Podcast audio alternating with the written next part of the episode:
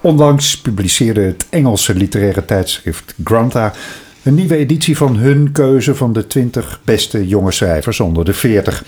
Elke tien jaar maken zij de balans op en vaak bestond de lijst uit grotendeels mannelijke schrijvers, maar dit keer kozen ze 15 vrouwen, 4 mannen en een transman.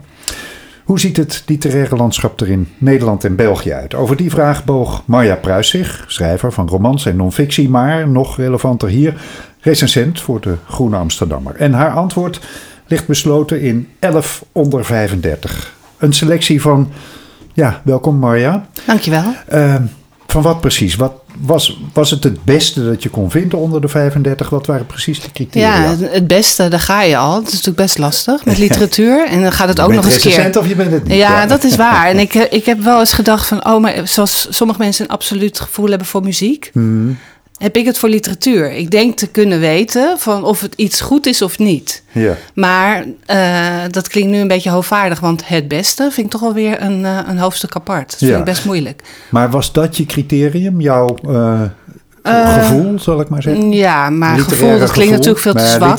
Gevoel, ik denk wel te weten van, je hebt goede schrijvers en je hebt minder goede schrijvers. Je hebt schrijvers van wie je nog veel verwacht. Hmm. En uh, dat vond ik heel leuk om te kijken naar jonge schrijvers nu. Mm uh, wie zijn dat dan? Van wie verwacht ik veel? Wie vind ik goed? Wie vind ik veelbelovend?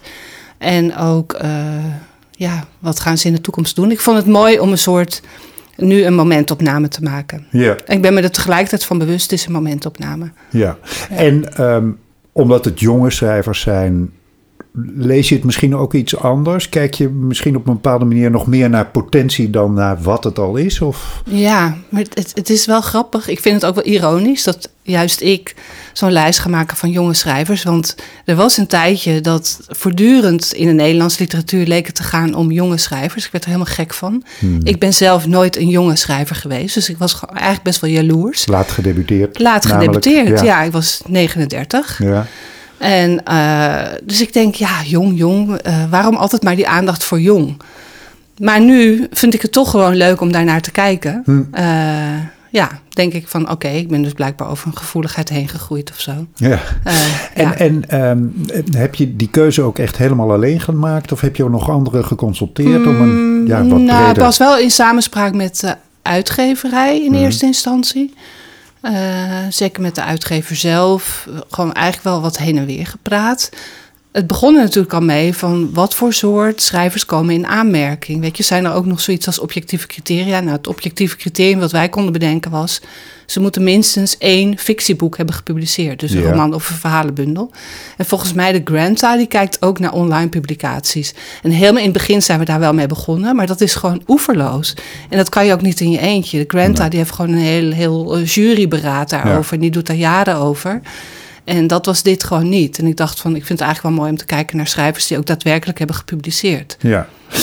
Het staat dus, je zegt het al, in die Granta-traditie, maar daar gaat het altijd om 20 onder 40. Ja. Dus hoezo 11 onder 35? Ja, het klinkt ook zo mooi, onder de 40. Ja. Eh, ja, dat is wel iets dat ik dacht van, oké, over wie hebben we het?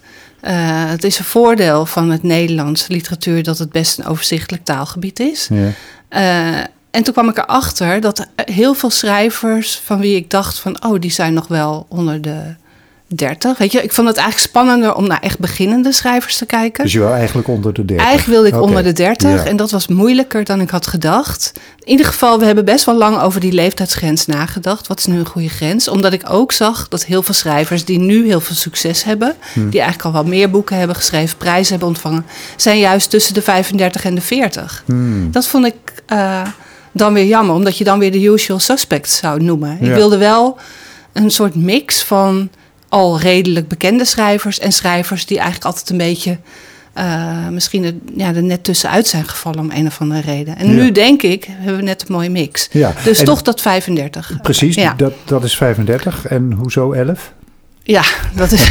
Is dat een verhulde manier om net niet Nou, te zeggen... je wil de niet jury weten. wilde de Ja. prijs dit jaar niet Oh, uitreiken, ja. want enzovoort? ik, ik ben echt gewoon een meester erin om gewoon mijn grenzen gewoon steeds zachter te maken.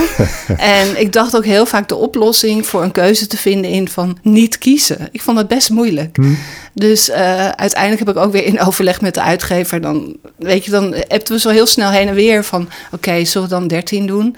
En dan dacht ik altijd heel snel... oh ja, dat kan natuurlijk ook nog. We kunnen ook gewoon 13 doen. En dat stuitte uiteindelijk toch weer op protesten. Want 13, ja, eh, dat wordt gewoon... Te, het fijne van zo'n selectie is ook dat het echt een selectie is. En dat je dus streng bent. Maar, ik het ben me er wel van dat, bewust. dat je geen 20 hebt gekozen zoals Granta...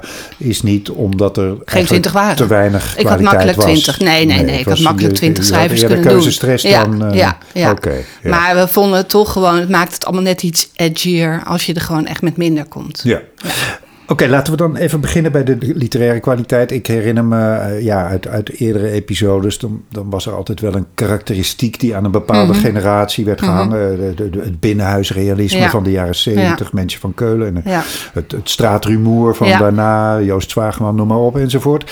Is er zo'n lijn te ontdekken in deze generatie? Ja, eh, er is een lijn te ontdekken als je een lijn wil ontdekken. Er is altijd een lijn te ontdekken. Je maakt een keuze. En je Hmm. maakt ook met daarmee leg je ook een oordeel vast. Bijvoorbeeld zoiets als, wordt heel vaak gezegd van millennial schrijvers.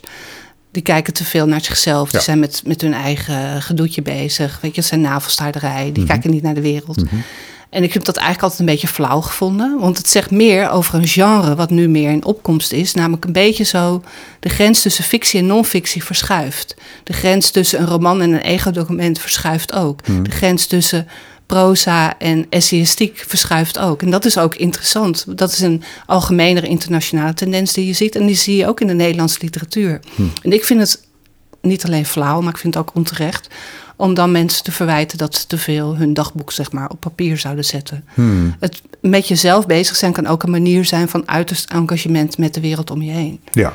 Dus dat is eigenlijk, denk ik, een lijn die ik zie. Maar ik zeg erbij, ik zit er zo dicht bovenop. En ik bedoel niet dat ik die mensen ken, maar ik zit gewoon bovenop omdat ik een tijdgenoot ben. Is het ook moeilijk om een, een, zo'n stroming te zien. Ja. En wat je ziet in de literatuurgeschiedenis, wat ik altijd heel aantrekkelijk heb gevonden aan literatuurgeschiedenissen, is dat ze zo'n ordening aanbrengen. Van, oh ja, toen had je symbolisme, toen had je realisme.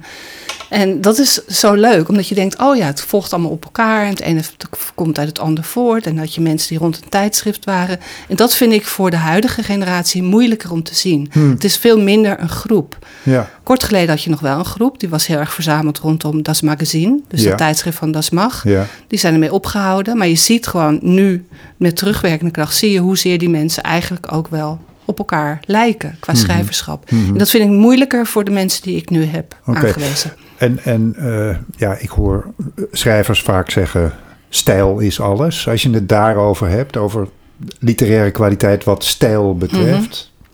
Stijl is, eh, ik zal niet zeggen alles, maar stijl maakt wel wat literatuur is. Ja. Stijl maakt wel dat een geschreven tekst uitspringt boven zomaar een, een tekst. Eh, ik zal niet zeggen dat voor deze schrijver stijl ook het allerbelangrijkste was. Want hier zit ook wel in eh, dat mensen opnieuw gewoon hun identiteit, om maar een modieus woord te gaan te gooien, hun identiteit aan het verkennen zijn. En dat het verhaal daarmee ook wel heel belangrijk is. Hmm. En er is bijvoorbeeld een, eh, er zit ook een schrijfster bij die eigenlijk voor het eerst een, eh, een generatie, eh, drie generaties vrouwen, eh, hun geschiedenis schetst. Zoals dat eigenlijk in Nederlandse literatuur nog niet is gebeurd. Hmm. Maar je zou kunnen zeggen, de manier waarop is vrij tra- traditioneel. Maar dan is dus het verhaal wat weer het interessanter maakt. Ja, ja. Ja. Ehm, nou, dan valt bij Granta dus kennelijk dat genderaspect op. Mhm. 15 vrouwen, 4 mannen en een, en een transman. Hoe, hoe is die verdeling bij jou geworden? Ik schep er echt wel eer in dat ik gewoon echt heb gekeken naar de boeken en niet dacht van ik ga denken vanuit ik moet zoveel vrouwen, zoveel mannen, zoveel trans, eh, zoveel mensen van kleur. En het leuke is, is dat die lijst gewoon wel heel gevarieerd is geworden. Dus wat dat betreft kunnen we gewoon zeggen van hé, hey, er is wel echt iets aan de hand in literatuur. Heel lang is literatuur, simpel gezegd, een mannenzaak geweest.